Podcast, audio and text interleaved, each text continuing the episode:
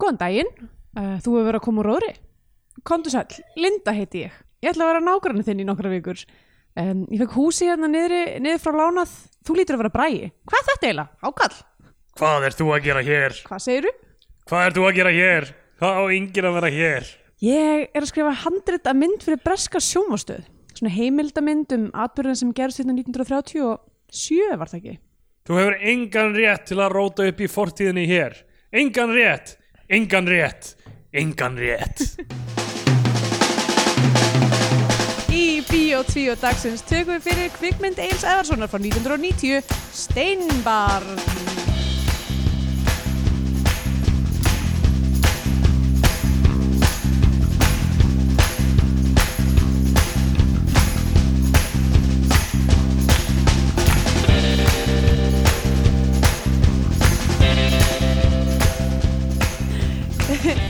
heil og sæl og velkomin í Bíó 2 hlaðvarpið um íslenska kvikmyndir Ég heiti Andrea Björk og hér með mér er Stendur Gretar Góðan daginn. Góðan daginn, hvað segirðu þá? Ég segi bara fínt. Já, Na, almennt, almennt, góður Já, almennt góður en þú.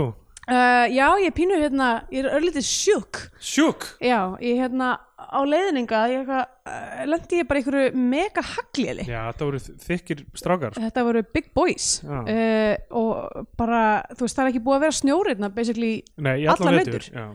og, og ég kíkti út um gluggana því ég var eitthvað búin að að hoppa með einhver föt í hérna rauðakrosskám sem er hérna aðeins neðar og var búin að líta út um gluggan og það var sko bara sól, það voru svona sólstafir bara Já. þegar ég leiti út um gluggan og bara, já, herru, flott þetta er fullkomin tíminn til að hoppa, niður í Könnubark og hérna, og svo var ég bara grýtt, Já, grýtt af móður jörð. já og ég sem var að reyna að endurvinna Já, nákvæmlega.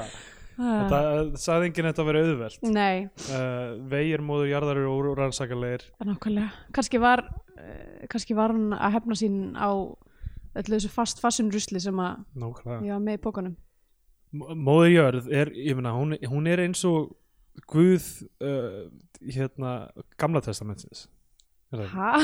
Guð gamla testamentsins var svona random Já. bara eitthvað reyður og að drepa fólk og, já, og mjög óknægjandi Móður jörð er daldið þannig líka hún, svona, veist, hún getur skyndilega bara tekið fólk Já, menn hún er samt sko, hún er alltaf gefur manni allt líf líka sko. Já, já. Hún er meira svona, ég myndi segja að vera meira jafnvægi henni heldur en Já, Guð gerði það líka með ok, þetta er keppni, Guð á móti móður jörð hver vinnur, um, hvor er betri til að trúa á?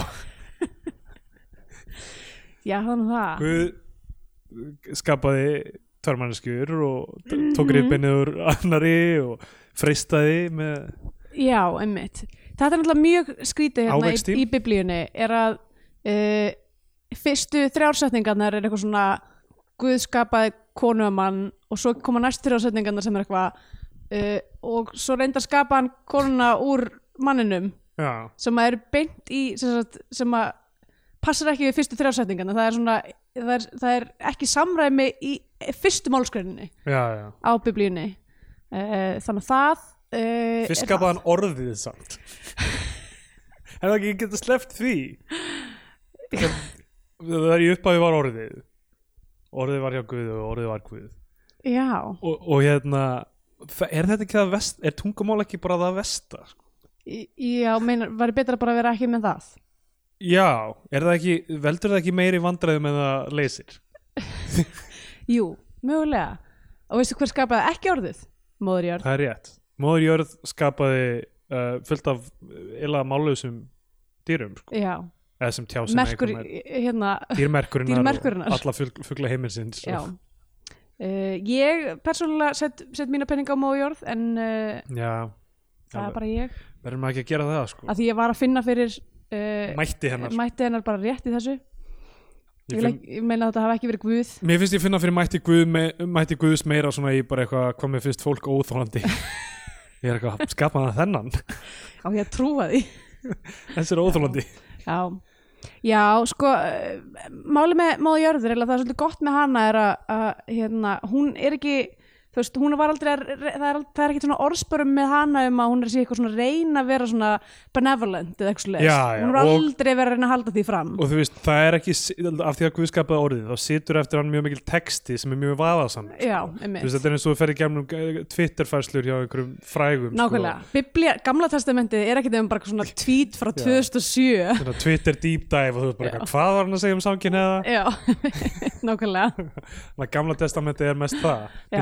Nákvæmlega Hver þa- þarf að giftast hverjum ef þeim er nöðgað ó, Nákvæmlega, af hverju, þetta segja þetta? Nákvæmlega, á meðan að móðu jörð er svona típan sem er ekki með samfélagsmiðla. Nei, nákvæmlega, hún er off-social. Hún er eiginlega svo cool, hún er svona deep cool. Já, bara eitthvað það, er- þú veist, það er Twitter-account fyrir móður jörð og það er bara eitthvað tweets by Mo- Mother Nature staff. Já, veist, það nákvæmlega er eitthvað starfsfólk sem Einmitt. er bara svona meira svona bara- tilkynningar um hvað er í gangi Já. bara eitthvað, Ég myndi jafnvel gangu svo langt að segja að hún væri bara með svona fan account já Já, væri það er kannski eitthvað svona parody account eins og þarna Bill Já. Murray accountinn sem er óþjólandi Já. eitthvað svona, oh, svo Svoleiðis. hvað Bill Murray var að segja nei, þetta er bara einhver dút einmitt, hún er bara eins og hérna í uh, þáttunum uh, Tuka and Bertie að þar eru mynd svona plöntu mm. típur sem, hún, hérna, sem er, er uh, skapa af Lísu Hanavald sem að gerða líka Botik Horsman Já. Og það eru svona, svona að, í þessum heimi það eru allir líka dýr eins og í Botik Horsman nema sér líka, líka svona plöntur sem eru þú veist með líkama en ekki höfuð og eru Já. alltaf bara svona mega svalar. Og enginn veit hvað þeir eru að báta því þeir tala ekki. Já, já, já. Og allir eru bara, ah, er Nákvæmlega. svona cool veist, það er að vera þögull það er rosalega mikil, mikil vald í því. Já, og við erum búin að sólunda því valdi algjörlega. 100% sko og hérna, þetta, það Hvað er eiginlega með, hræðilegt. Steindór, að þegar við klárum þetta verkefn okkar að við tökum alla þættina af netinu og Mm. tortímum þeim? Já, það verður flott, ef þú fylgdist ekki með það þá bara já, það farið sko. þetta er bara, þú veist mistur af þessu. Já, ég held það, ég get ekki beðið eftir að hætta að tala. Já. much to think about. Nei, þetta er, þú veist, maður, það er ekki hægt að skapa neina dulúði, maður er alltaf að tala. Nákvæmlega því, því meira sem fólk talar því veist, meira sýnir það sig og þá, þú veist, eins og Mhm. Guð gerði með þessum bókum sínum. Nákvæmlega, og þá er ekki lengur hægt að spá eitthvað svona, mm, hvað, hvað er hvað er, hann að hug- hvað er raunverulega rótast? Þú veist, fólk ímyndir sér þögult fólk að sé með eitthvað rosa stóra pælingar sko. já, einmitt. Uh, já, ég sá á eitthvað ah, hver var aftur, já, hvort það hafi verið Vili Neto sem var eitthvað að deila á Twitter uh, eitthvað svona portugalsku saying sem er eitthvað svona þögull væru skáld sem bara fallilega þess að segja haldu kjafti. Nákvæmlega.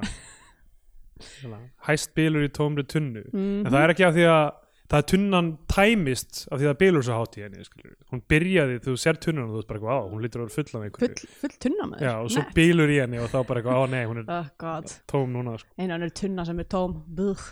Talandi um þetta, var að tala um steinbarn. Og ég er svona smá kviðið fyrir þessu sko, já, að þetta er algjört family Þetta er reunion. Þetta er algjör family reunion hjá mér.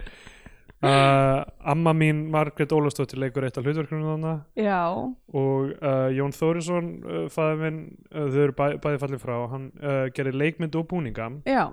Egil Eðvarsson fjölskylduvinur sem leikstýri þessu. Mm uh, já, uh, þetta er sjónvarsmynd frá 1990 Já. og við höfum verið svona báðum áttum með sjónvarsmyndir þannig séð en þú veist eins og með hérna uh, opinbjörn Hannesar skilur, sem er, veist, er sjónvarsmynd þannig séð en hún er sjónvarsmynd þú veist það er ekki hægt að sleppa henni í íslenski kveikmyndasögu já, rétt. Við Sti- opnuðum meila dyr þarna með því að taka ofnbjörn hannesar. Já, Uh, en svo finnst mér líka með þessar mynd þetta er eitthvað tímabil í sögurúf og ég er að velta því fyrir mig núna.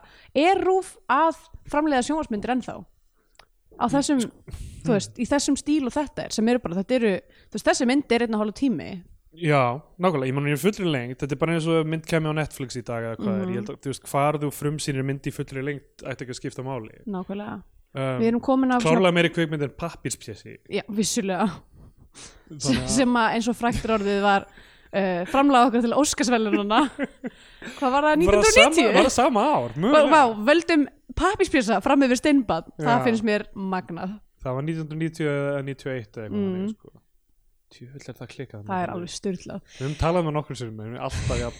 Jú það var 1990 Ég- Steinbarn hefði getað Var verið bara ég, sko, ég held ok, svona áður við tölum hann ég held að steinbarn, þegar þú tekur tungumálið burt og setur bara texta og þá, ég, þá mögulega getur það verið eitthvað sem svona fólk erlendis væri eitthvað svona eitthvað, já, Já, ó, við erum með íslenska náttúru og eitthvað svona, eerie elements Já, og, það er alþjóðlega tenging og eitthvað, við erum að tala um þessa mynda því ég veit ekki hvað fólk veit eitthvað um hana. Nei, um, Þetta er líka þetta er, sko, það var einhver góðsend tíð þarna milli 88 og og svona, á þessum tíma Mm. í íslenskum sjómasmyndum þið var draugasaga Já. og hérna djáknin svona, sem eru svona eitthvað pínu spooky movies Einmitt. sem að sjónvarp er að framlega þessi spooky líka sko. Já, þessi er nefnilega spooky, ég vissi ekki um hana sko ég, ég hafði bara heyrt þennan titil svo oft líklega í samingi við sko, Glerbrót var líka pínu spooky Svona smá Já. spooky já, hún var, var alltaf spooky uh, er þetta ekki allar sónasmyndinar í rauninni sem við Jú, ég fjallaðum? held það.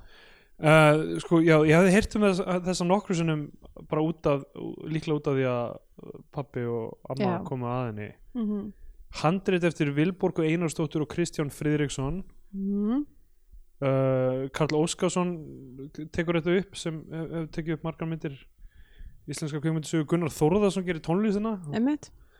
Um, sko hún, hún er nánast portrait mót þessi mynd. Já, hún er hérna þetta er það sem ég hef alltaf verið að kalla Instagram Já. hérna, að hún er eiginlega nánast bara einn ein sem einn ein, einn á móti einum. Sko mér fannst hún eiginlega herri en hún var Já, víð það er rétt. Það er alveg og rétt þú veist við vorum að horfa á rauninni rip af Rúf mm uh, sýningu á henni sem hún var sýnd fyrir nokkrum árum á Rúf. Um, þannig að hún gæti verið að einhverjir hafi síðan að þá. 30 ára í, í ár kom, já, frumsýnd 1. janúar 1990 Já, vá. Ég Gekka. 30 ára. Og já, og þú veist, mjög já, mjó, mjög spes svona, Já, ég, ég var um þetta að hugsa um þetta því að þú veist, flestar af þessum sjóðsmyndum eru í svona álíka svona formati. Kannski hefur bara verið klifta eins frá hliðunum eða eitthvað af, af þessari. Uh, það hlýtur að verið bara einhver myndavel sem að rúf átti sem að, þú veist, sem að var bara verið að nota í þessa framleiðslu. Það var bara einhver svona sími sem við notuðu uh, og hún byrjar Pælti ég ef, að- ef að í staðin fyrir að vera klifta með svarta ramma hliðina og það væri sérst svona blörruð útgafa af já, af hverju er það gert? bara til þess að vera, reyna að vera meira engaging eða eitthvað, ég veit það ekki. Mér finnst það alltaf svo skrítið því ég segja Já, það mér líka. Uh, en hérna, þessi mynd byrjar á því að það er sagt björgunarsveit og lögregla svona í flæðarmáli eitthvað aðtapna sig. Já, og svo kemur svo er sagt uh, lögreglumaður sem legginn að Sigurði Karlssoni sem er að yfirheyra eða svona tala við konu uh, sem legginn að Lilju Þórisdóttur mm sem við maður séð í myndum. Um, og er eitthvað svona spurning hvað gerðist eiginlega? Já, og, það, og öll myndin er í rauninni hennar bara retelling af því sem gerðist. Já Svo fyrir við bara inn í það, hún er eitthvað Ég, ég bara fáum strax eitthvað svona leyndamál fortíð eitthvað, ég ætlaði nú bara aldrei að blanda mér í þetta eitthvað, ég kom bara hérna til að skrifa. Þessi minni er þetta það er alltaf eitthvað fólk að fara eitthvað afsýðis að skrifa. skrifa. Sko, er farin að- söndru Já. og eins og skefna deyr eins og skefnan deyr líka. einmitt. uh, alltaf eitthvað, e, ímyndunaflið sérstaklega þessum tíma, þetta er Já. eitthvað nýjöndi áratugurinn. Og fólk er eitthvað bara hvað get ég skrifað myndum, það er manneska sem er að skrifa mynd, Já, fyrir afsýðis skrifa mynd eða bók eða whatever. Já þannig að allir bara nýbúin að sjá Shining. Shining, nákvæmlega. Uh, og hérna og svo er bara, já, býr í útlöndum, við komumst að því að þessi kona hún er búin að vera erlendis og henni hefur verið falið af breskri sjónvastöð Já, hún er sérst greinlega í ná, hún er búin að vera í námi Já. úti. Og þetta er svona fyrsta professional verkefni Já, ennmitt og hún á að skrifa handrit að heimildamind um þegar skipið Purkopa. Já, hvað pa? Purkopa? Af hverju ekki? af hverju ekki, geggja hann á skipi skipið strandaði af hverju ekki já það strandaði sem sagt við eða svona ég held að þetta er mýrar eða eitthvað fyrir Mm. utan borgarfjörð Já, í Faxaflóa lendi í óveðri þar og þetta var svona rannsóknarskip er þetta raunverulegur atbyrður? já þetta er raunverulega atbyrð Ok. þetta gerðist uh, þarna 30 eitthvað Hmm. og, um, og er eitthvað svona sem alveg sko situr dálítið í Fólki? svona, já, Já, út af því þetta var eitthvað svona hræðilegt eitthvað fólk dó og já, sko það dóa allir nema einn. Já. og uh, hérna já, sem sagt hér er þetta, já. Uh, byggt fyrir Jean-Baptiste Charcot Mhm. sem var sem sagt að sigla um norðurheimskautin já, og 39 manns sko, síðan er það bara eitthvað svona í einhverju strandsiglingum við Ísland, lendur í óveri og 39 manns deyja jésús eitt lifir að og, og hérna já alveg uh, harmleikur shit Ní, uh, 1936 mm. í september, það talaði um held ég það hafi gerst rétt fyrir jól í þessari mynd en það er mm. Meðan september sem það gerst þetta, þetta byggir alvöru alvöru skilbroti já. ég kannast nefnilega við þetta Purko Panam maður gleymir Já. því ekki mér finnst þess að ég hafi séð þetta notaði yfir eitthvað svona franska myndlistaháttíð í Reykjavík eða eitthvað whatever eða eitthvað það er ógæst að skrítið já ég veit ekki, mér finnst þess að ég hafi séð það í samhengi við eitthvað eða eitthvað svona já, e eitthvað sem eitthvað sem tengt Fraklandi og Íslandi einhverjum menningatengslum með eitthvað, getur verið vitlega sem er og hún segir já, kemur frá útlönd til að skrifa þessa heimildamynd á svæðinu sko. Já. Og fyrst fyrir hún til uh, mannsinn sín sem hún er skilin við mm leikinn af uh, Hallmar Sigursson -hmm. Og hún á dóttur með honum. Já. Og hann sko, hann er svona reykir svona píp hann er óbærileg típa. Já, ógeðslega leðilegur og sko er að svona, svona sakana um að sinna ekki dótturinni. Þú þú kemur til landsins og þú ferð beint eitthvað úr borginni og ætlar ekkert að vera með dótturinni. Mm. og, og hérna og það er svona bara ákveð exposition, exposition dump Mm. þar sem hann er eitthvað ég er með forræðið og þú ert að vinna í þessu handriti og já, já. eitthvað dótturinni sér þig aldrei eitthvað svona og Einmitt. eitthvað hann er bæði eitthvað svona að skamma hana eða eitthvað niðurlega hana fyrir að vera ekki nógu góð móðir en á sama tíma að vera eitthvað svona ég, ég slepp aldrei þessu forræði. Bara eitthvað svona já, líka einhvern veginn vill ekki eða veist, þetta er mjög skrítin orka frá þessum manni. Uh, og hún er eitthvað svona hún er svona 90s framakona já, nefnilega, já, þetta er svona það tímabila sem fólk hefur að tala um þú það veist, getur fólk- haft þetta allt konur geta farið líka í nám og verið með atvinnu. Skrifaði handrita heimildamind. Já ok, ég meina fólk gerir þetta alveg skrifar handrita heimildamind. Já, en alltaf það sé ekki minna núti dags að fólk sé að svona leggja heimildamindinu út fyrirfram? Ég held að sé bara nokkri mismunandi skólar af heim, heimildamindi gerð það er svona, þú, Líklega. þú veist að elta viðfangsefnið og bara svona þú veist, finna út úr narratífinu eftir á.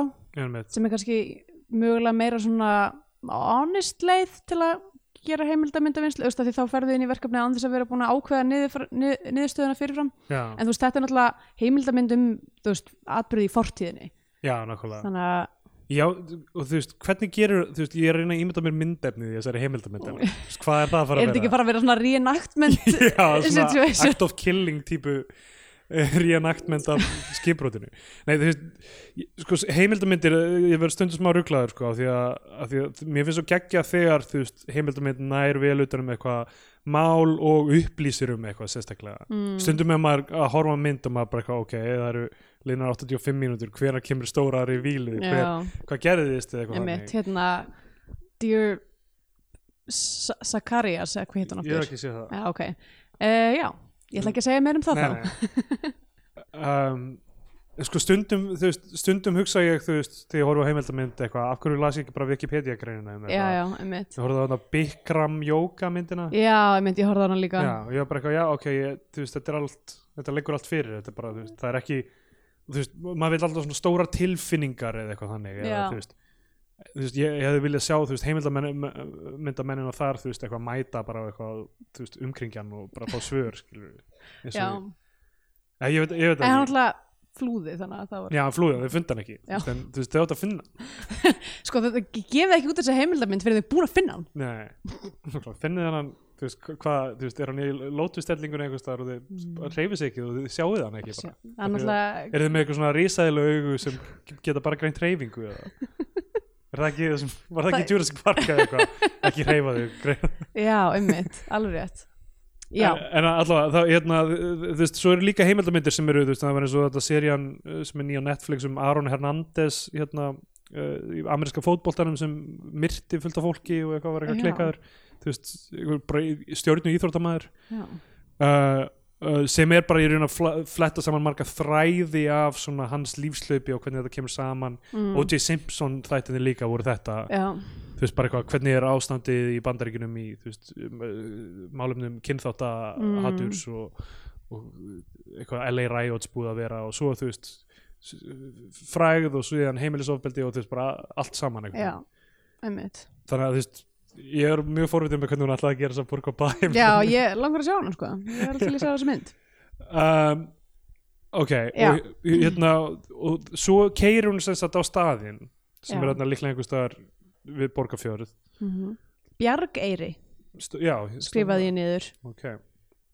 Hún hérna þarna byrjar að koma eitthvað mikið svona voice over sko. Já, það sem að við erum að heyra hennar frásögn sko mjög skrítið að því að hún hérna, þú veist, í byrjuninni þarna opnunaratriðunum, eða sem, sem, er í rauninni bookends á myndinni já, þar sem hún var að tala um lauruglumannin, það er hún í mikil geðsringu, er búin að vera bara eitthvað grátandi og æpandi. Og svo kemur voiceoverið sem á að vera hún að segja frá sögunni og þá er hún bara, þetta var nú fallegur dagur. Eitthvað svona, allt í henni komin í bara eitthvað mjög góða stemmingu. Einmitt, það er smá eins og voice overið sé hennar hugsanir frekar það sem hún er að segja við, Já, einmitt við uh, og þarna þú veist það þú veist á þangað, þú veist að koma mikið af upplýsingum um skipbrotið og mm, skrítið fólk, það var einn maður sem lifði af og hann uh, að, uh, það, það var af því að maður, og þetta kemur án betur fram setna í myndin, það var mm. Mm. ma lokal maður mhm. sem óð út í flæðamálið og tókaði til, til að bjarga fólki og hann Já. bjargaði einum manni og Mhm. hérna tókst að bjarga einum manni áður hann sjálfur dó sem sagt Já, og, uh, sonur hans býr þarna og er eitthvað skrítin já það kemur, kemur rosa mikið svona Já. já, hann er nú mikil einfari og hérna, eitthvað svona skrítni gamli kallinn ja, hún spyr er eitthvað svona, já, hvað, er hann eitthvað skrítin eða, já, maður hefur nú heyrt um svona fólk sem að býra eitt að það sé bara svolítið skrítið eitthvað, ok.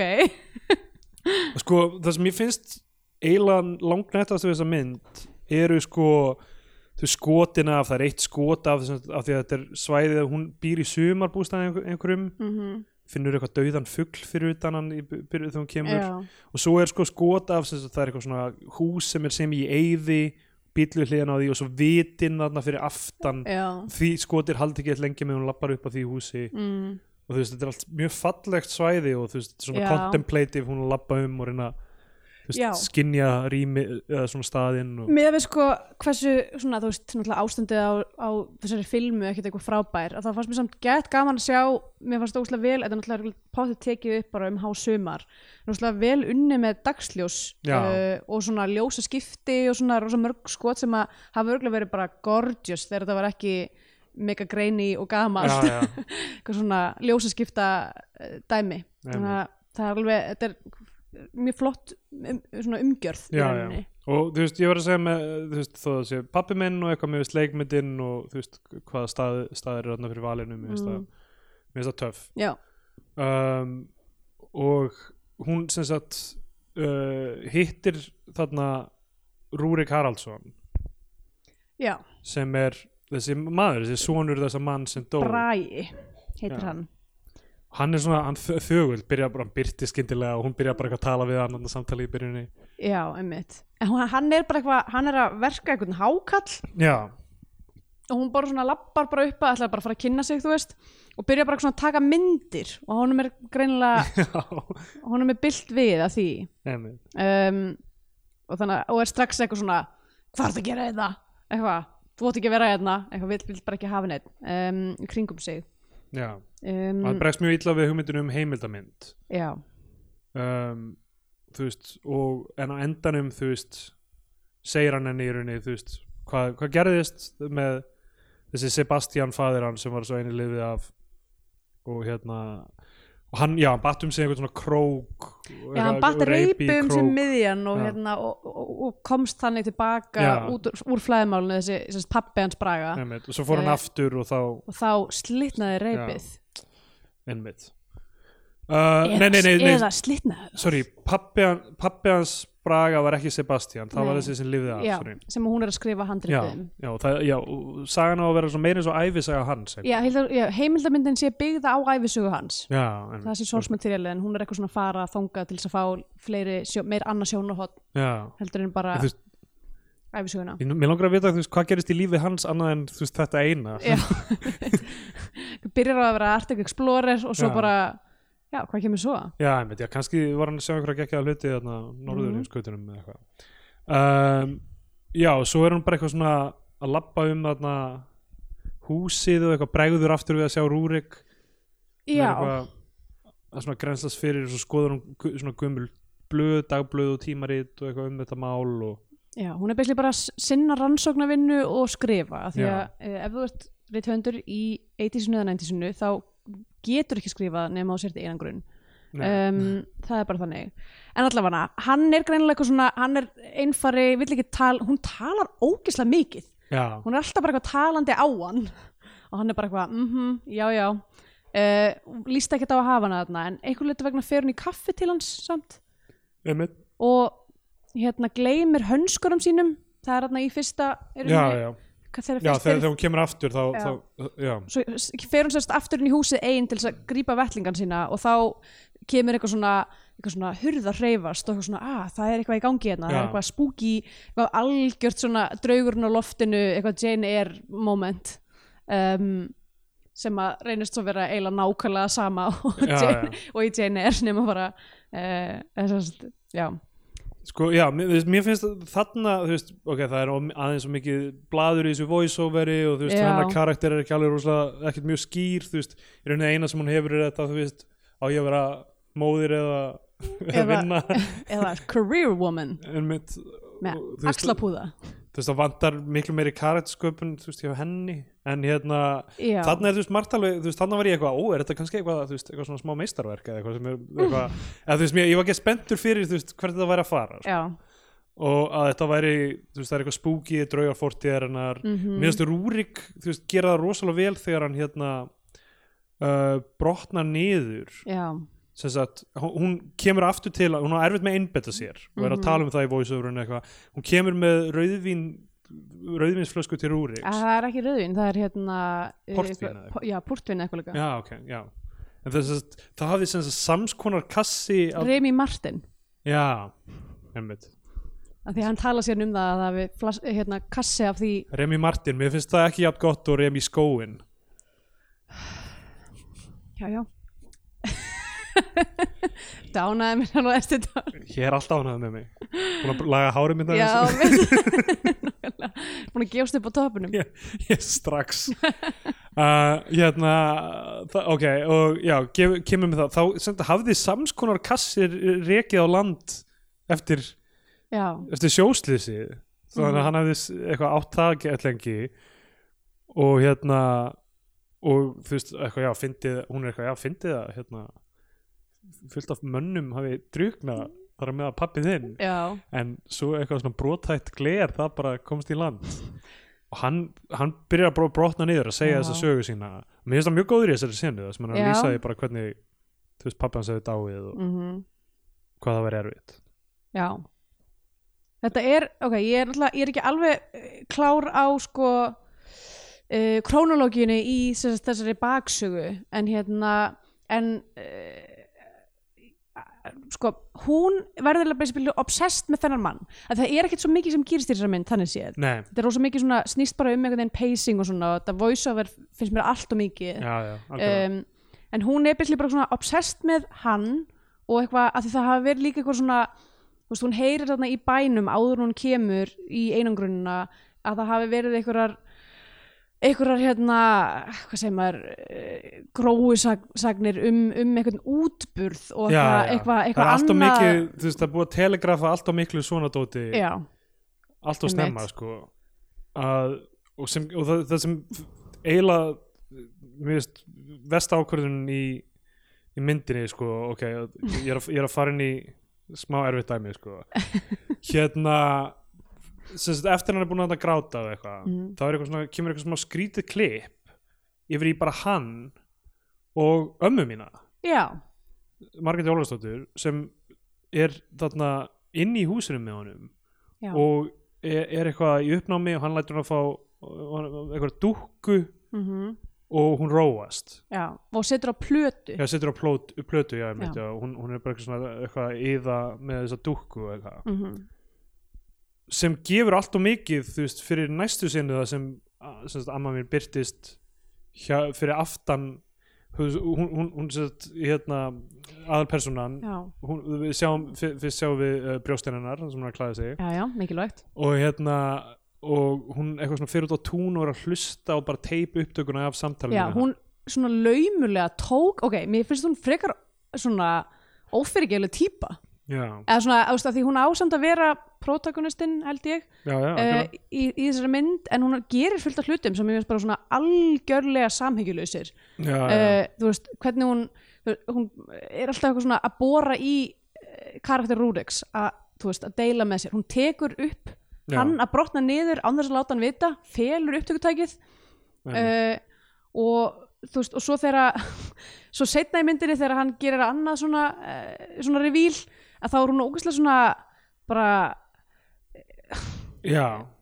ó, svona, einhvern veginn, eitthvað svona bara, ég held að þú þurfir að hafa mjög mikið svona empathy til að vera, þú veist, heimildamynda já, mér finnst hún ekki vera með þeim. þetta empathy, já, og er, þú veist, ekki alveg svona hlý og kannski skilningslaus eiginlega bara. Já, en sko hún er að hlusta á þetta teip á túninu, liggur bara í túninu og Mm. sopnar síðan. Mm og þá er sem sagt karakterin sem heitir Margaret eins og Mhm. leikonan uh, kemur að henni og, og ætlar að ná teipinu -hmm. hún vaknar og henni bre bregður þú veist, Margaret hleypur burt Mm og, uh, og hún er eitthvað, nei, þetta er allt í lagi og eitthvað svo reynir að taka di- diktafónin sko.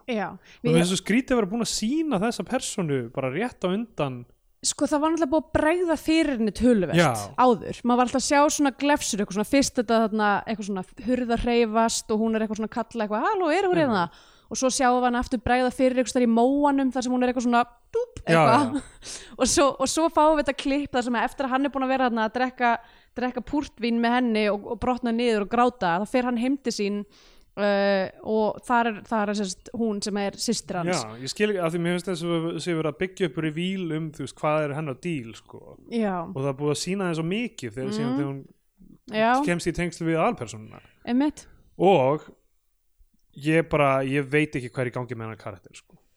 Sko, ég eh, kannast við þessa típu Já, sem að ég, þetta er svona og ég fór að hugsa út frá þessu af því að ég geti svo svarið það þetta, þetta, er, svo, þetta er rosalega svona einfeldningsleg túlkun á einhverju tráma uh, dæmi. Algjörlega. Uh, sem að er svona veist, og þetta er 1990 sem þessi myndi gerð og þú veist, á þessum tímapunkti var þú veist, og kannski aðeins fyrr líka svona 80s, 70s, 80s kannski var góðsumtíðin fyrir þetta var bara svona, svona sálfræðikenslu skólabókudæmi voru ógslag informativ fyrir geðveikt mikið af það eins og til dæmis bara allt þetta með skitsofrenju Einmitt. sem að er eiginlega ekki hlutur. Þú veist, eða svona sérst, hérna, many já, það- sem að er bara ekki þú veist, það er ekki hlutur. En, en út af því að það, það var einhver influential sálfræðingur sem skrifaði um einhverja konu sem ég man ekki hvað heit, sem átti að vera með einhverja nýju mismöndi persónuleika og eitthvað sem var bara svona sensationalismi. Og það er til bara ógeðslega mikið af kvikmyndum sem að nota þetta minni bara af þessu dæmi sem að var, þú veist, í einhverjum skólabókum Þú- Me, og- Myself and Irene til dæmis. Já, nokkulega og, veist, og sama með veist, eins og Psycho og okkur svona Já, já. veist, þetta er allt, þetta er svona pop, svona popsálfræði nokkulega Sama með líka með hérna Dabda, hérna, fimm stig um, sorgar já, sem eitthvað ég flett upp um daginn já, og er ekki neitt í rauninu vísendilegu grunnur fyrir. Nei. Það ekki, hefur ekki verið tekist að sína fram á þetta veist, í já, fræðunum einmitt. en var bara svona einföld svona þumaputtarleið til að þú veist, jújú, jú, þetta ge- getur örugglega verið að fólk fari gegnum þessi stig en hvort, stigum, hvort það er nákvæmlega í þessari röð eða þú veist, hvort það sé algilt eða persónubundið bara ekki, þú veist, í rauninu engin vísendilegu grunnur fyrir það. Nákvæmlega. Það er svo mikið af svona stundir, Myers-Briggs Já, persónuleika nákvæmlega. prófið, það eru bara einhverjar mæðgur í bandaríkjörnum sem voru bara eitthvað, væri nú ekki gaman að eitthvað, þú veist, voru eitthvað svo flokka samstagsfólk sitt eitthvað, hvorug þeirra er með grunn í neinu svona, það er eitthvað fárlegt, en allavega það eru svona nokkur minni sem að maður sér ógeðslega oft í spooky movies Já, sem að eru sem að má rekja til einhver svona frægra svona pop sálfræði mála sem eru í gangi þú veist í 70s og 80s af því að það var í rauninni bara sensationalismi. Já. og þetta eitthvað svona að vera föst í einhverju svona ómálga tráma af því að þú mistir fóstur. Þetta er, svona, þetta er alveg svona korter í eitthvað svona hysteria situation. Já, bara eitthvað svona að þetta er allt tengt við þetta er eitthvað svona, svona freudisk uh, grínsálfræði sko. og mjög gammaldags hugmynd um þú veist að fólk með uh, einhverja andlega erfiðleika sé líklega til að vera þú veist fremja glæpi eða með afbrot- ofbeldishneigt, of- einmitt. ofbeldishneigt eða hvernig það er nákvæmlega. Sko. og Um, þú veist, og það sé einhvern veginn fast í einhverju bar, barnslegu hugafari um, og já, Já, einmitt, og sem sagt, það er málið með hana, þú veist, komist við að hún er systir Rúriks mm og hérna og það sem gerist sagt, eftir, eftir að, ok, hún, hún reynir að taka hana diktafónin og hleypi burt. Mhm, svo, þú veist, kemur þrjumi veður og hérna aðalpersonan, ég man ekki hvað þessi Lind, Linda heitir. Linda, já, Mm. leggin af Lilju. Uh, hérna er að uh, skoða eitthvað teikningu dóttur sinnar og eitthvað svona hugsa eitthvað til hennar. Já, og svo kemur eitthvað svona draumasíkvens það sem hann bara dreymir það sem gerðist í já, fórtíðinni þetta er eitthvað er eitthvað staðna sem er fáránleg að því að sko að það sem að gerast í þessu stormi ég skildi það ekki almennilega hún, hún dreymir sérst í rauninni bara A til U atbyrður á sem Já. gerðist þarna rétt, þannig að Já. dreymir hann rétt bara 40 árum eða eitthvað, þú veist, 30 Já. árum fyrir eða eitthvað 40 kannski, ég veit ekki já, nákvæmlega eitthvað, eitthvað og hérna, og líka einhvern veginn nær að slasa sig ókslega mikið já, hún eitthvað svona brýtur og vart ramman með myndina barnun sínu einmitt. og er með eitthvað skurð á hendinni og greinilega hérna lí og líka á enninu og eitthvað. Já, hún En það er vaknar í bílnum sínum með brotna myndin af dótturinni. Já, en við sjáum ekkert hvernig í anskutunum það gerðist. Nei, þetta þú veist, mér þetta er rosalega léleg svona, léleg storytelling já, sko. einmitt. Og þú veist, að gefa okkur líka all,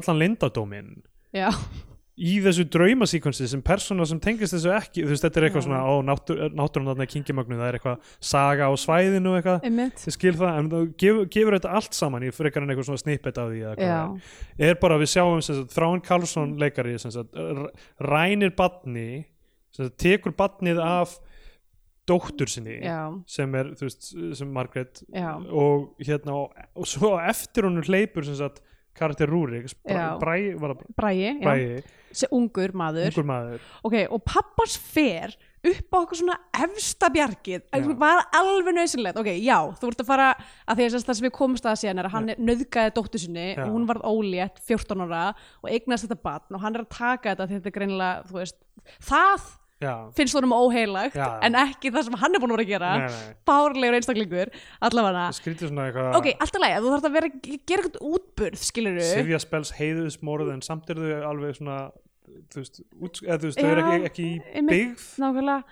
En, þa en já. það er alveg nöðsynlegt að fleia barninu eins og okkur um sko, eins og okkur um hérna, einhverjum bolta. Já, bara af hæsta tindi hún í nákvæmlega. hafi þetta er fáránlegt. Og veist, og, og hérna þessi bræði sem sonur hans reynir að hlaupa eftir hún með hann er með einhverja byssu og er að skjóta hann að hann tekst að gera þetta og, tek, og, það gengur ekki hann næri ekki að skjóta hann.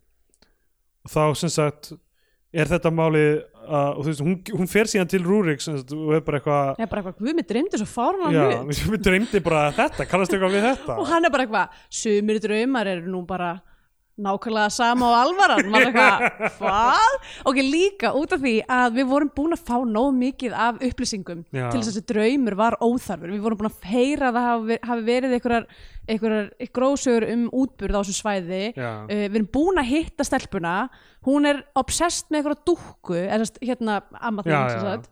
Uh, hún er, hún er svona pathologist haldandi á, á dúkku af unga barni veist, við, og, við vitum að hún hérna átt að hafa horfið eða whatever. Hún semst er búin að vera þarna í felum í rauninni. Hann er búin að, Rúrik er búin að vera að fela hana Já, já. út af því að hún er augljóslega uh, eitthvað svona mjög veik já, eh, mjög veik. Og, og hérna Þú veist, hún við hefðum getað púslað þessu öllu saman án þess að fá þetta draumasíkvens algjörlega hægt að púsla því saman. Um, og leifa þú veist, leifa alpersonun að komast að þessu tí með tímanum er gera hana meiri rannsóknar hérna, Já.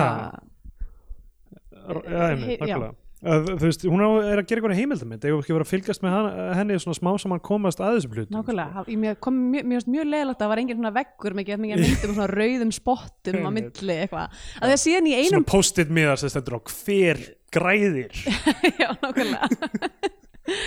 Hérna uh, að því síðan setna í þessu hérna voiceoveri að þá segir hún mig svona ég var orðin svo, ég var orðin alveg heldtekin af þessu máli, ég var farin að gruna að, að, að hérna að Bragi hafi, hafi hérna skorið á reipið hjá föðu sínum sjálf maður er eitthvað svona, Já, af hverju er það að segja þessar hlut eða þú veist oh, veist, að því að, að því mér finnst einhvern veginn eins og beinagrindin fyrir eitthvað gott hafi verið þarna. Já, algjörlega. Þess vegna hugsa ég, veist, með þessa myndatöku og þetta setting og, veist, og þessa svona, já, þessa sögurunni, veist sem sagan þannig já. er í, í einhverju leiti í lægi Mhm. ekki algjörlega í lægi en, veist, við bjargandi en síðan plottingið á henni sem sagt, bara sögu þráðurinn á, á, er alveg fáránlegur. Já, mjög skrítin hérna líka myndin heitir Steinbarn og maður er einhvern veginn, þú veist, eitthvað að- allan hvað- tíma er eitthvað, já, já, veist, steinbann er þetta? já, þú veist, þetta er eitthvað, eitthvað badnegna, eitthvað harmur og þú veist, það er búið að vera telegraf hún er með dóttur sem hún sinnir ekki sjálf og já,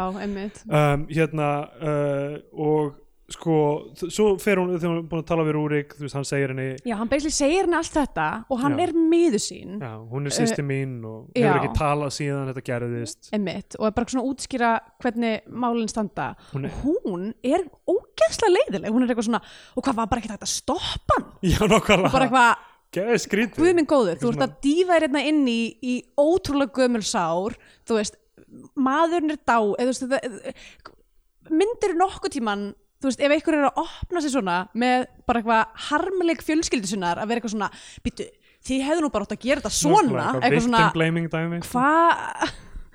Um, ég, al, hún, ég mist sko, ég misti alveg hérna, þólmaði fyrir þessari konu á ég var þessum mjög punkti. mikið að hugsa á þessum tímamúti að það ætti að endur gera þessa mynd. Já. Af því við höfum ekki oft eða þú veist, við höfum öðru hverju nefnt þetta með íslenska kveikmyndir að vera hægt að endur gera þær og, Já, uh, ég man ekki hvað sérstaklega við höfum nefnt í því samhengi en það er eitthvað, það, í- draugasaga já draugasaga við tölum um það nákvæmlega, þessar sjónvarsmyndir að Já. endur gera þær en þessi mynd, þú veist, að því hún er með svona mörgu, þú veist, eða væri bara aðeins hægt að veist, hræra upp í hérna, þemunum aðeins betur og, Mhm. og þa- þá, þú veist, ég meina hver myndi ekki vilja kaupa einhverja íslenska spooky movie Já, veist, með einhverju, einhverju svona plotti sko. Uh, og uh, já, sagt, þetta kemur allt saman fram. Hún egnaðist badföður þeirra 14 ára. Mamma hennar hafði dá, dá, dáið, að mamma þeirra hafði dáið í fæðingu af henni, sko. Já, pappin hafði alltaf kent henni badninu um, hafa drepið hana á leiðinu út. Einmitt. og hérna sko það er svo margt þarna sem gæti verið áhugavert sérstaklega dæmis bara svona þú veist, tvískuringu þess að vera hræðileg manneskja en síðan deyja vera hann að bjarga annari mannsku líka. Já, þú veist, eitthvað, þú, veit ekki, mér finnst uh, hún nálgast þessa karaktera sem gæti verið svo margvíðir á svo einfældingsan hátt, finnst mér. Að veit ekki, það er meira þarna, finnst mér. Já, og sko svo segir hún bara eitthvað, herri já, svo er dóttir mín á leiðninga hún ætlar að vera hjá mér í nokkuð Já, daga hann er bara eitthvað alls ekki komið Já, þetta batningar er ekki staður fyrir batn og hún fyrir síðan bara eitthvað ráfum hú- húsið fyrir inn í svefnherbergið eitthvað nýbúin að heyra þetta með, með Margréti og eitthvað byrja bara eitthvað að þykta í svefn hún er alltaf, einmitt, eitthvað svona, hún er alltaf að, að brjóta á bara eitthvað svona friðhelgi engilisfólk hún er alltaf vaðandi þarna inn í húsið og Einmitt. þú veist, eitthvað up in everyone's business bara, og það er þarna sem ég fór að hafa smá ágjör af því að ég þyrfti að segja að mér finnst amma mín eiginlega ekki gera þetta nógu vel sko. Ok, og það er að miklu leiti ekki henni að kenna út af því bara hvað hlutverkið er. Já. En mér finnst hún aðeins of hún er ekki nógu understated í þessu. Hún er aðeins of stór sko. þú veist, hún er með svo mikið í útlitinu og þetta er kannski persónulegt bara því að Já. þú veist, ég uh, þekkt hana. Og hef, hef séð hana leika og hef séð hana í mörgu. Og hún er þegar með, hún er með, með svona útstæð augu já, já, og er þegar með svona, þú veist, útlit sem svona hjálpar þessu. Já, og þurfti ekki að halla sér svona kannski mikið inn í það. Já. Hérna það var eiginlega á, svona þegar við farin að sjá hana meira ég nefnilega, ég fattaði ekki fyrst Nei, að það væri ammaðin fyrir en að það var eitthvað eitt skota sem ég bara, hvað, hvað er líkt heiðu? Já, já. sem að einmitt lék líka konu í hérna í, í geðkvarfi í hérna ég, nei. Já, ég man, þig, wow, það er klikkað, ég hafði ekki fælt í því. Og það var svo, þú veist, sama eiginlega stemming eitthvað svona, Vá, hvað það er fyndið að að hérna eiginlega svona, svona katatonic já, af því að hún er með einhver, eitthvað dráma sko. nákvæmlega. Vá, hvað það er fyndið. Í annari spooky movie Já. þú veist, einhvern tugum ára setna nákvæmlega. Næstu, næstu 30 árum setna en það eru klárlega vissulega með augun í, í, í verkið sko Amma sérstaklega hún var með eitthvað skjaldkirtils eitthvað issue og eitthvað, hún var Já, eitthvað ok. ekstra, ekstra ústæðu eitthvað já ok, er það og já, ég veit ekki alveg hvernig á æfinni það var nákvæmlega hversu mikið það hafði að gera með þetta en það var ein, Mm. einhver tímann uh, en hérna, þú veist, er, hún er með svo mikið útlýslega bara til að vinna með þessu en það er, þú veist, 20 í þessu mér finnst hún of myndaleg í þessu hún er of falleg, sko. bara hún þau ger ekki nóg mikið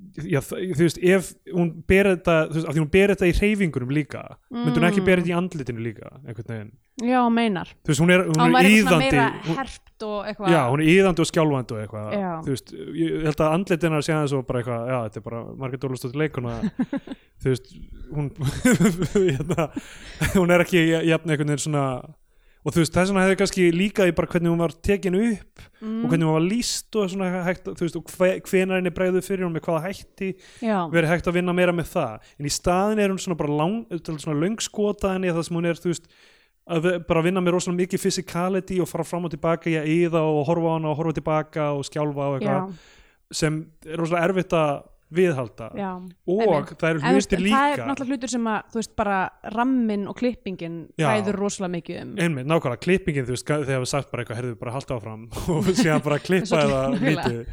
Og þú veist, svo eru hlutir sem eru stundum sem í haldrar stundum ekki. Já, það eru bara, þú veist, það eru rosalega mikið svona sem bara eitthvað mm. af því að þetta ætti að vera karakter eins og úr þessum þú veist, úr, úr, úr þessari hefð hérna eins og eitthvað, Texas Chainsaw Massacre og eitthvað svona, þú veist, eitthvað svona weird eh, hillbilly einhver típa sem bara hefur ekki Hillbilly? Já, hillbilly, ekki, ekki Beverly Hillbilly. Um, eh, eitthvað, eitthvað svona, svona sem er búin að vera afskekt. Minna kiki meira hillbilly. Eitthvað svona manneska sem hefur bara ekki komið sér snertingu við, hún er bara búin að hitta bróður sinn basically, Já, í og hún er, ekki, og hún er ekki búin að tala við neitt, eða svona, hún er ekki búin að Já. tala neitt í, þú veist hvað, já, áratugi Já, og þú veist það er kannski aðeins svo mikið lógík bakveg hvernig hún hegða sér hvernig hún bregst við öllu áræti mm. það sem þú veist hún er eitthvað, "Á, dúkka, hérna, þú veist með dúkku, hvað heitir hún?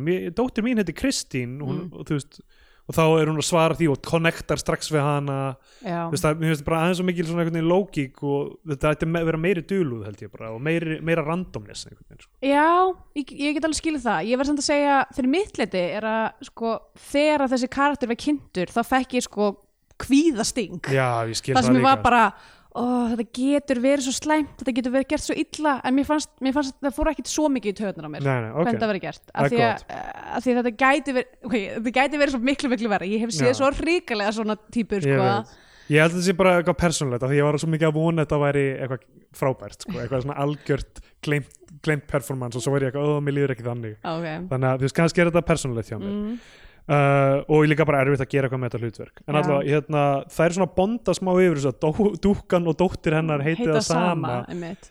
og hún hefur þá vendanlega í haustum á sér skýrt dóttur sína Kristín líka. Já, og er eitthvað eitthvað, eitthvað svona Mhm. ke- Kristín, eða Kristín, dóttir mín heiti Kristín ke- og hún alltaf vissi að móðir hann hétt líka Kristín. já, já, það er rétt Er Uh, líka síðan alltaf með, sko, það var alveg það sem ég var eitthvað svona, oh, sleftu þessu bara, sem var eitthvað svona props sem var mynd af móð, móðurinnar og Já. hún alltaf svona að kissa myndina og ég bara, já, það var það er var alveg- skrítið. Kanski ég myndi frekar hún hefur hitti aldrei móður sína sko. Nei, nákvæmlega, því að hún var, já, hún dó, í barspurni. já. þú veist það er já, það, þú veist, hún er smættu niður í rauninni þú veist, tvær tilfinningar sem er ást á eða þú veist, það er ást á móður og, Mm og, og, og dóttur sinni í rauninni þú veist, Mhm. eða ein tilfinning basically já, það, það er það sem hún gerir sko. um, svo sem sagt um, mæta maðurinn hennar og, og dóttir mm uh, og það er svona smá eins og þau séu aðeins að tengja saman aftur já, sko. hún er svona, hún er bara gekk luð að fá, þú veist, eitthvað, eh, eitthvað fólk í heimsókn og svona dóttur Já, sína og svona, er eitthvað svona reyna að hún kissir fyrirhandi mann sinn og er eitthvað svona, ég glöður er komin já. og er síðan bara svona eitthvað sem að mér fannst þetta bara, þótti bara mjög eðlilegt hún er bara svona að segja honum frá já, þú veist, því sem hún er búin að vera að researcha og bara svona hvað hefur á dagana drifið. Og hann er ógærslega leiðileg Já, hann bara ég þreytur á að heyra um sama fólkið aftur og aftur. Sko, myndin sýnir það ekki. Myndin sýnir okkur bara í rauninni hann að segja honum þetta einu sinni, eða basically að minnast á það aftur eða eitthvað þannig, Mhm. þess að maður fær ekki neina vikt að, að hún sé raunverulega obsessed og sé bara eitthvað non-stop. Það sem þú veist, þau augljóslega eru að tala um eitthvað annað og hún alveg þvert skiptir yfir í þetta eða eitthvað þannig. Einmitt. Þú veist, þannig að maður hefur enga saman með honum í þessari sinni. Nei, maður hugsa bara eitthvað, ok, ég meina hún, þetta er það sem hún er að vinni ég hefur ekki, eitthvað, nákvæmlega, akkur má hún ekki segja er ekki frá að hlusta á því? það. Það er ekkit fleira fólk hérna til að tala við. Nákvæmlega. Og þú veist og byrjar strax eitthvað svona skammana fyrir að vera eitthvað. Þú ert þetta að tala um vinnuna þeina þegar þú átt að vera með dóttuðinni Já, hún er bara ekki búin að vera með dóttir minn í allan dag, hvað er það að tala um? Núna erum við bara eitthvað að drekka eitthvað. hún er sofandi. Já, bara vekt hana Já. tala. um, Já, eh, þú veist, ekki alveg nógu gótt og þeim lendir saman, hann bruna bara burt. Já, og hérna hún er bara svona, já, hún er hér hvað er þú að gera hér, er eitthvað svona, er Já. eitthvað svona þú veist, af hverju, af hverju, þarf þetta að vera svona leiðilegur, sem ég skil ógæslega vel já, bara, já, af þeir hverju voru þarf þetta að vera tíu svona tíma á leiðinni ánga. já, úr hvað Reykjavík? Þetta er náttúrulega fyrir tíma kvalfærgangana Já, samt sko, það er rosa tími til að kera upp í Borgafjörð manstu hversu slæmir veginir voru? Sko þetta var 90, ní- 1990 og þetta var tekið upp sumar 89 Já, það, ég, ég meina að geta alveg verið sko, en ég- samt kvalfyrir hvað var maður lengi að kera hann? uh, Ég man, mér fannst hann endalaus, það var svona, sko, það var svona 40 mínútur eða eitthvað, Já, eitthvað þannig já. er ég kannski ímyndið mér nei, Ég held það eitthvað. kvalfyririnn var ógeðslega langur. Mér fannst hann endalaus alltaf þegar vorum að kera sko. Ég skildi það ekki, ég var alltaf að býða eftir að komast í eina þessum þreymur sjoppum þetta sem á óskiljaðum ástæðum voru á sæðinu Hvað botskálin og hvað það hétt um, mér finnst það ennþá svo fyndi dæmi í rauninni að veist, þetta var eitthvað issue að þú veist, fólki sem var að reka bótskálan var bara eitthvað þeir haft eiginlega businessin okkar. Hvað, þetta, með þessu göngu já, bara so ég, ég veit, ég finnst þetta bara svo styrla dæmi það er svo, þú, veist, Mm. þú veist, ég hef ákveðna saman með því en veist, auðvitað átt að gera þessu Já. göngu og allt það. En það, það er svo styrla dæmi að þú veit bara eitthvað með eitthvað business, veist, á nákvæmlega réttum stað. Já, fólk er búið að vera að keira og eitthvað, ó, endar þessi fjörður aldrei hann, hann er það djúpur, hann maður sér ekki endan botnin á Já, þannig að ég var alltaf eitthvað ringluð sem bad af því að þú veist, á einum tímapunkti var vatnið einum megin Já. og hinnum öðrum tímapunkti var vatnið hinnum megin en maður sá samt aldrei endan á vatninu. Þannig að ég var alltaf bara eitthvað litli badnaheilum mér var bara hvað er að gerast? Tíu tíma meika kannski alveg segjan sko, ef þú ert að kera fyrst kvalfyrðin og svo þú ert að kera borgarfyrðin einhvern veginn sko, Mm. þú veist. Já, já, veit allavega, skiptir ekki máli. Uh, en hérna svo, sko þegar hann ætli þarna langabrúin í, í, hérna borganesi hafi verið komin þá? Já, hlýtur að vera það ekki. Ég, Já. ve, ég heldur við erum að tala út að setja okkur núna, við þurfum að já, við verðum bara að treysta því að þetta hafi tekið tíu tíma. Við stoppum líka hverja einstu sjoppu að því það var bann já, það er rétt. Um, sko, svo þegar hann er farin þá sinnir hún dóttur sinni ekki neitt. Nei, hún er bara, hún er bara alltaf að vinna og krakkin Já. er bara einhver staðar. Sem er sko þú veist, mér finnst, mér finnst þessi mynd vera búin að svona sína sp- á spilin allt og fljótt. Mm. þessi dóttir er mætt að það er búið að segja bara eitthvað, þetta er ekki staður fyrir börn. Já, við vitum þessi, Margrét er alltaf með dúkkuna og er Mm. eitthvað fanatísk með það. Þannig við vitum að það er þvernýft þetta er bara, þú veist, maður veit nákvæmlega hvað stefnir, allan tíma Við erum búin að sjá einhvern mann kasta hérna, badni fram að björgum eins og þetta sé einhver sko ruðningsbolti. góðu touchdown. Já, uh, uh, ótrúlega dæmi sko. Og maður sér þetta ball hlaupa þarna í túnin og vera eitthvað uh, ráandum og maður bara eitthvað þetta ball er, þú veist já, og krakkin er bara eitthvað í drullumall, eitthvað, hittir, hittir Margréti og er eitthvað svona, hæ, eitthvað, má ég sko að þína dúkku, eitthvað. Já, já. Svo er hún eitthvað upp í vitan og hún er bara eitthvað ein, eitthvað Já, að dúlla já. sér. Rú, Rúrik sem sagt rekur hana burt fyrst þegar hann sér hana Mm. og hérna uh, á meðan er sko hún þarna, uh, obsess, mamman er að obsessa yfir sem sagt mögulega hafi þú veist, vi, ha, þú veist ha, annarkvort, hvort hún segir að hérna pappi Rúriks hafi mögulega þú veist, viljandi ekki bjargað einhverjum eða hvort að Rúrik hafi viljandi skorið á Ég held að það sé frekar það, Það. já, að Rúrik hafi viljað hefna fyrir já, í rauninni bara, eða sérst, ekki dreigja hann í landið, eða þú veist, einhvern veginn, eða, eða, eða losa reypið til þess að hefna fyrir það hvernig hann kom fram við sýstu. Einmitt. sem er áhugaverð sko. Sem er áhugaverð vingill en Já. það hefði verið hægt að akkur fengum við aldrei confrontation á hann með það Nákvæmlega, drafstu pappa þinn einmitt. Af því að hann var, þú veist, hann eldir hann með byssu í drauminum, já, þá ætlar hann að dreipa pappa sinn, einmitt en gerir það ekki. Já, eða, já. eða skýtur hann um og hittir ekki. ég man ekki hvernig það er en Já. hann tekst það allavega ekki Já. ég held hann hann beili ég held hann bara Já, meikið ekki bara ekki. Já. um, hann er að hóta þá er það myndið þessi spurning um bara hvað hann er, þú veist, hann eh, hérna uh, gerði það ekki þegar hólmum á skorið. Uh, var komið, komið og hérna, en síðan þegar hún gefst tækifæri þegar pappans er úti í briminu Já, þá já. tekur hann þessa ákvörðun það, það, það er óslega mikið einhverjum vinglum sem maður hefði mátt skoða Já. en svo er það bara ekki gert. Einmitt. og sko já, hérna, stelpan síðan klifrar upp í vitan og maður er eitthvað, Já, eitthvað hvað núna?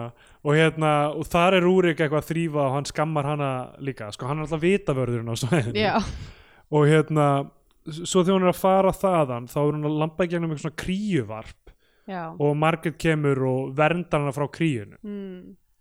og er, þú veist þess að maður sér þann vingi líka, þarna fyrir ég að hugsa eitthvað. Hvað ef hún hvað ef myndin er að spila með okkur? Hún kannski, er bjargvætturinn en ekki Já. já uh, og þú veist, kríurnar eru líka myndlíking því að þær eru að venda börni sín Nákvæmlega. þegar sem að er samt síðan, síðan, síðan er samt sagt hreint út þegar hún kemur. Hún eitthvað, já, þær eru bara að reyna að venda sín börn eitthvað. Það er ekki, okkur er ekki treyst fyrir því almennilega sko. Mhm. um, uh, en já, svo er bara dálítið svona langt það, myndin er bara frekar döið þarna þú veist, af því að, því að það er ekkit sko í söguþræðin, þú veist markmið aðalpersonar er að klára að skrifa heimildamind já, hún er ekki í neinu ströggli við það Nei. hún er að komast að þessu öllu, þetta gengur vel hjá henni hún er, er, er obsessed með það já en verkið sjálft, þú veist, það er eina þú veist, ytra Einmitt. ef við takmarkina hefum fengið bara eitthvað svona eitt eitthvað svona mamma getur ekki leikið núna af því að þú veist, það er mjög tætt deadline eða þú veist, eitthvað ég verð að vinna Já. eitthvað svona, þú veist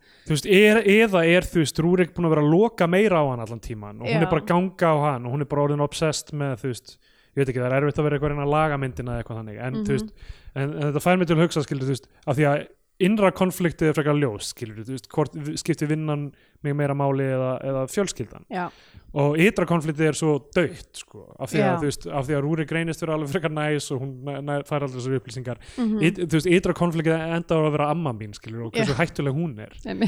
Uh, sem er ekki það sem er lagt upp með allavega, þá hérna uh, er, það er ekkert í gang þú veist, skriðþungi myndarinn er alveg dauður mm. það er búið að drepa alla þú veist, ógn um þú veist, amma sé hræðilega þú veist, að, sé að fara að skada badnið af því hún er góð við badnið Mm.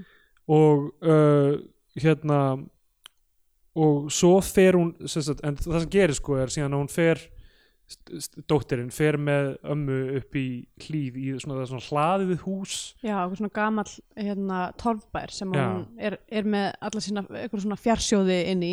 Það sem hún er, að því að það eru alltaf í sikkurum sikkur hotnin í dúkuleik Já, basically, hún er eitthvað, hei, kottu hérna tjekka á mínu dúkuleik, eitthvað. Þannig að þær eru bara eitthvað saman í dúkuleik Já, og það, þú veist og það, það er eitthvað þarna sko, með hefur, hefur séð fréttir af þú veist, konum sem fá svona dúkkur sem svona bara hérna, svona andleg hjálpatæki bara eins og fólki Mm. með, með hérna, eins og fólki með svona, hvað heitir það, emotional support animal eða já, og uh, eða, eða bara teppi eða eitthvað svona Já. skilur, sem, eins og í hérna Peanuts. Já, uh, að hérna konur sem fá bara svona dúkkur. Og ég séð bara gamla konu í hjólastól veist, með- haldandi á svona dúkku og eitthvað mm. og þetta er að sætasta og tregafyrsta á sama tíma Já. í heimi Ég hef bara séð hérna, ég man mjög vel eftir því að því ég mitt eitthvað dó úr bara krúti, var eitthvað svona, það var eitthvað svona selabánsi sem að Já. var svona, lítið svona selavélmenni, bara lítið kópur Já, sem eitthvað svona, þú veist, eitthvað hreyfði sér smávegis og blikkaði augunum eitthvað og var eitthvað svona á elli heimili, voru allir með hann sel God, eitthvað að dúllast ah, ok, ef maður klappaði selinum þá bræðast, var hann að bregðast við og eitthvað, Já. það var eitthvað svona fyrir, fyrir fólk með Alzheimer eða eitthvað og þú, veist, þetta er alveg eitthvað sem er notað núna svona theraputist Mhm. og þú veist, þess vegna fannst mér, þú veist, í því samengi einhvern veginn, þú veist, áhugavert með þessa dúkku sem hún er alltaf með og eitthvað þannig. Mhm. Þú veist, það, það, er, þú veist, það er eitthvað þarna og, og síðan að spegla það við badnið sem er þú veist, ekki með sömu tengingu við ábyrð Mhm. mm ábyrð á badni og slíku sko. Og það sem gerist þarna er að þú veist, já, hún er búin að vera að kissa mynda mömmu sinni aftur og eitthvað en, og já, svo stelpan eins og bara börn eru, hún er bara svona hei, hérna, þú mátt skoða mínu dúkku, má ég skoða þína dúkku? Og Já. er alveg svona obsessed með að hann langar gett mikið að skoða dúkkuna sem hún má ekki skoða. sem eru postulíni Já, þetta er ekki einhver nútíma hérna, plast, hérna, Hvað- mattel brúða. Emið með, með hérna blek, eh, nei hvað var aftur? Uh, hérna ah, það var eitthvað svona skandall í næntísinu sem var eitthvað svona hvað mikið frekar svona asbest í dúkunni Nei, nei, það var hérna LED, það var já, já, blí, blí, já, það var blí og þetta innkalla óksla mikið af einhverjum barbidúkum það var, einhver, það var einhver búð sem var eitthvað svona það er gett mikil blílykt af þessum barbidúkum svo fór þetta bara eitthvað mega case eitthvað hérna allavega. Shit. fullt af einhverjum 90s bönnum sem fengu blíeitrun um, þau voru að sleikja barbihausa já, þau skiptast að þeim sko.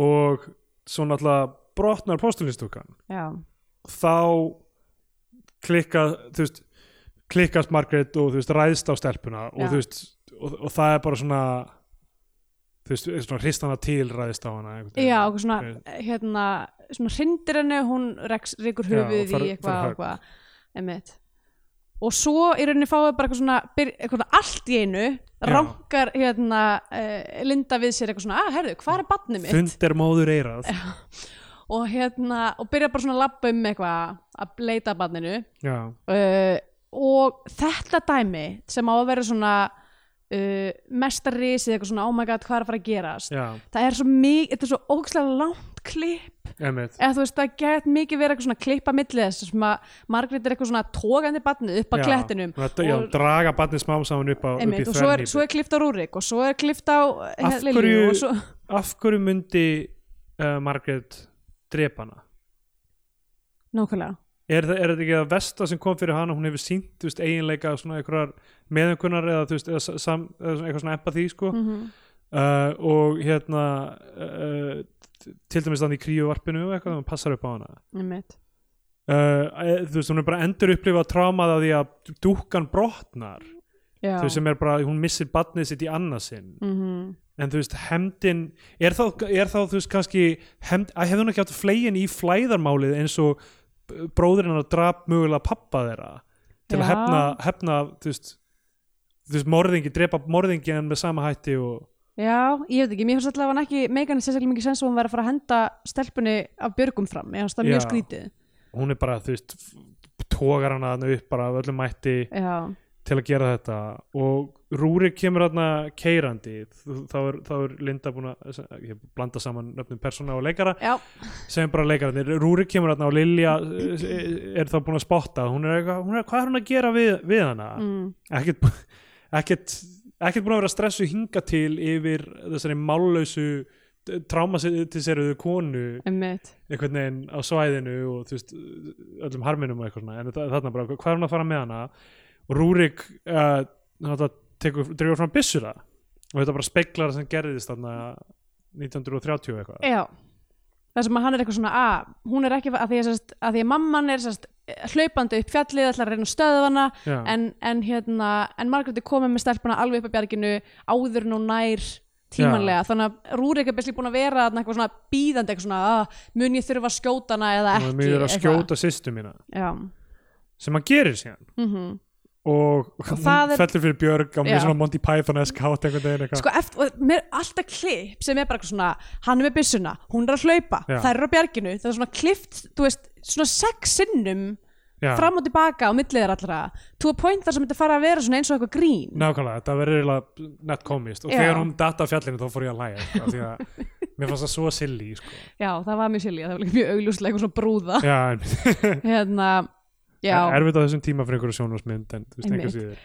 og svo, þú veist, eftir það kemur lauruglan og við aftur komin í sagt, uh, Nútímann, já. hinn bóka endan þú veist, á, á myndinni uh, og þá sjáum við eitthvað svona að stelpan er ekki í dáin, hún er bara með höfuhögg eitthvað, svo kemur eitthvað svona eitthvað algjört skot af hérna björgunarsveita Já, þyrlu að fara með stelpuna í þyrluna. Einmitt. og svo, ok, loka skotið er þetta talað um það? ég ætlaði að segja þess að þegar þau eru að fara og Rúrik er þarna situr þarna eitthvað í öngum sínum bara hann er búin að skjóta sýstu sína Já, hann er bara eitthvað grátandi og hún er bara eitthvað jæja, við erum að fara hún er hræðilega þessi kona. Já, þú veist, það er ekki næg vikt í, skilur, þú veist, Rúrik kemur með svo mikið emotion inn í sína, sín leik. Já, og, og það er ekki mattsað með neinum hætti nei, einmitt. Þú veist, það, þú veist, ef, ef pointið er að þú veist, mér, mér, að, þú veist, ok, ef það átti að vera þannig að hún sé bara bæði gagvart vinnunni sinni, viðfangsandi í vinnunni og fjölskyldunni sinni frekar bara kærulaus mm, það finnst mér það bara leiðilegri ákvörðun en ef hún væri við raunverulega að sökva sér í efnið og byrja að tengja við, já, fá tilfinningar með þessu fólki og harminum sem þau nákvæmlega. Um, og svo loka skotið er bara dúkka stelpunar fljótandi í flæðamálnu mjög lengi, alveg svona bara næstu mínúta af bara, uh, já, það já, já, og þá er myndin búin. Það var myndi búin. Uh, Scandinavian Pain Index Já, sko það er rosa mikið af miklu að taka hérna. Við erum að tala um lindamál fortíða, við erum að tala um sifjaspell, við erum að tala um útburð, slísfarir, döðsföll, um, svona náttúruöflin alveg. náttúröflin sjórin, brimið uh, og svo náttúrulega eh, brotin fjölskylda, skilnaða batn og, og, hérna, og tværunni, allir, allir í brotnum fjölskyldum. Já, þannig séð um, mjög, og svo náttúrulega bara er, keirir þessi mynd áfram á bara þú veist eh, þessum harmi út af uh, aðbyrjum fortirinnar þannig að þetta er alveg uh, já, það er Já. alveg slatti þarna það er lögreglumæður líka veist, þetta er alveg smá líka eins og þetta emmitt það er er, þú veist, þó að þó að hann sé raun og það bara að yfirheyra hana sko. já, hann hefði mátt fá kannski aðeins meira. Já, hann fikk voða lítið eitthvað. Voða lítið Þú veist, að ef þetta, þú veist hann hefði getað verið að ganga á með bara, hvað, hvað, akkur gerðir ekki þarna? Hi- hi- þú veist, já, af hverju lestu dótturinn að vera hana þú veist, vera eitthvað svona aðeins að nákvæmlega.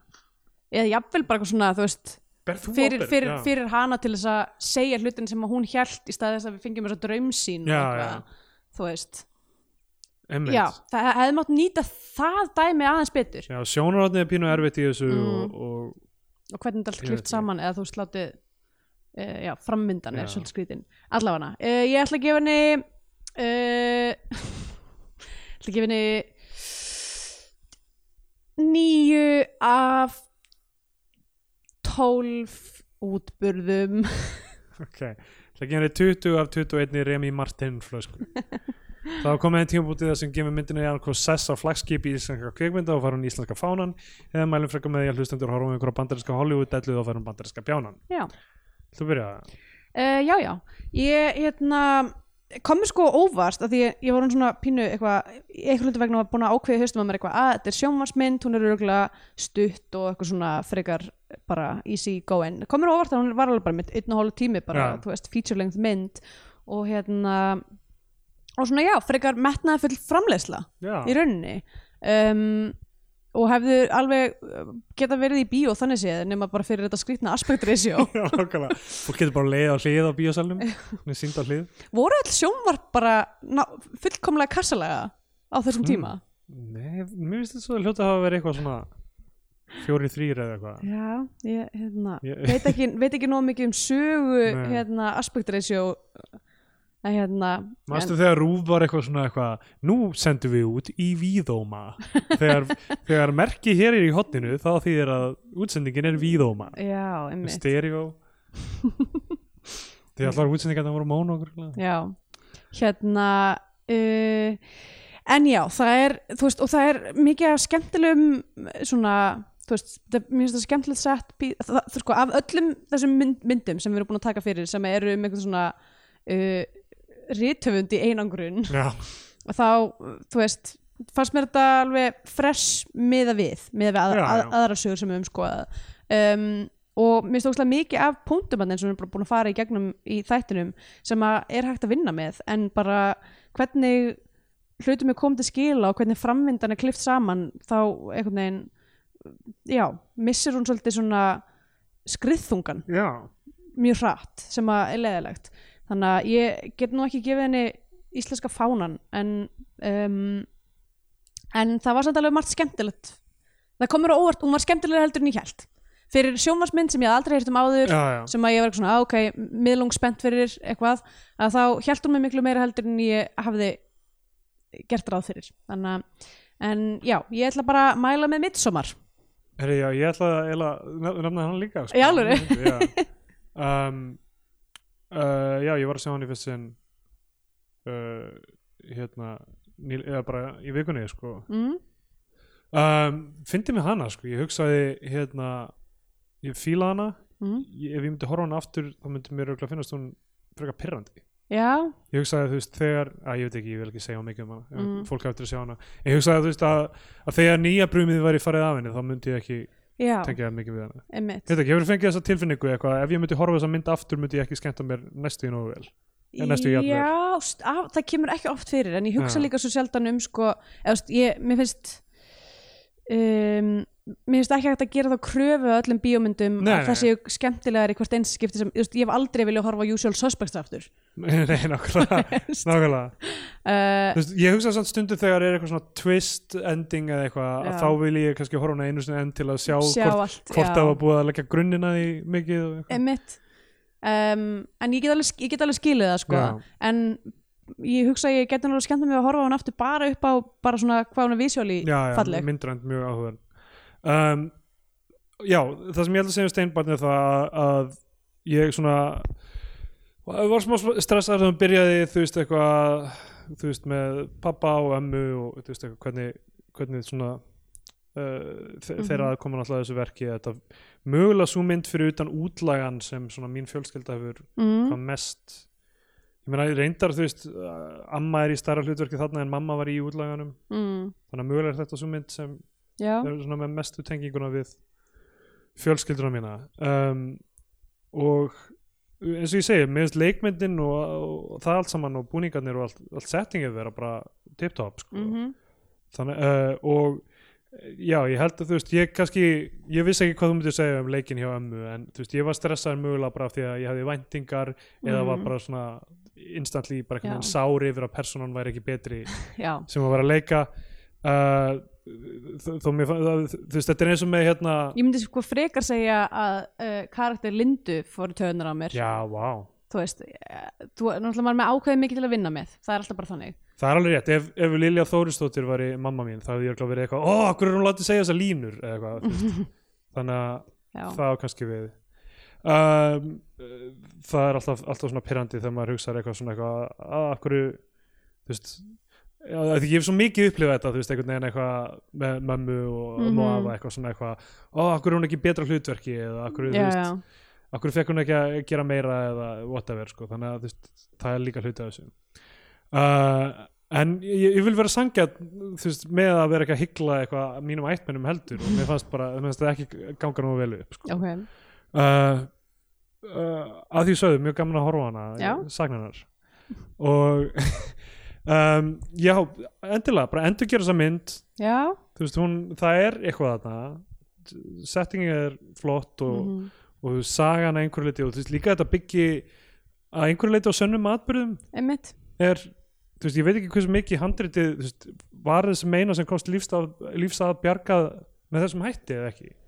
Ég, Já. við, við vitum það ekki. Nei, einmitt, hann byggir á sönnum atbyrðin einhvern veginn uh, strandi þú veist, margt í þessu sem er mjög stert sko. þannig að, uh, já, ef ég myndi kjósa eina íslenska mynd til að vera endurkjörð þá verður það örugglega þessi. Um, þar hafið þið það. Já, bandarinski bjánin frá mér. Um, ætli ég mæla ekki með uh, King of New York ok, sem er er hérna þetta í hérna með Jeff Bridges?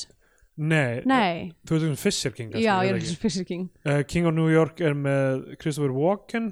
Já, ok, sko, ég verði eiginlega að lesa upp bara hérna leikarna í þessari mynd sko. hún kom út 1990 sama ár mm, Abel Ferrara mynd hann, hann gerði líka Bad Lieutenant og fleiri eitthvað svona uh, Christopher Walken ég veit að Bad Lieutenant fucked up mynd maður ég hef aldrei séð hann, ég hef bara séð já, Port of Call New Orleans verður Herzog nei en er hún fucked up? eða? ég bara var ekki, ég var ekki undir.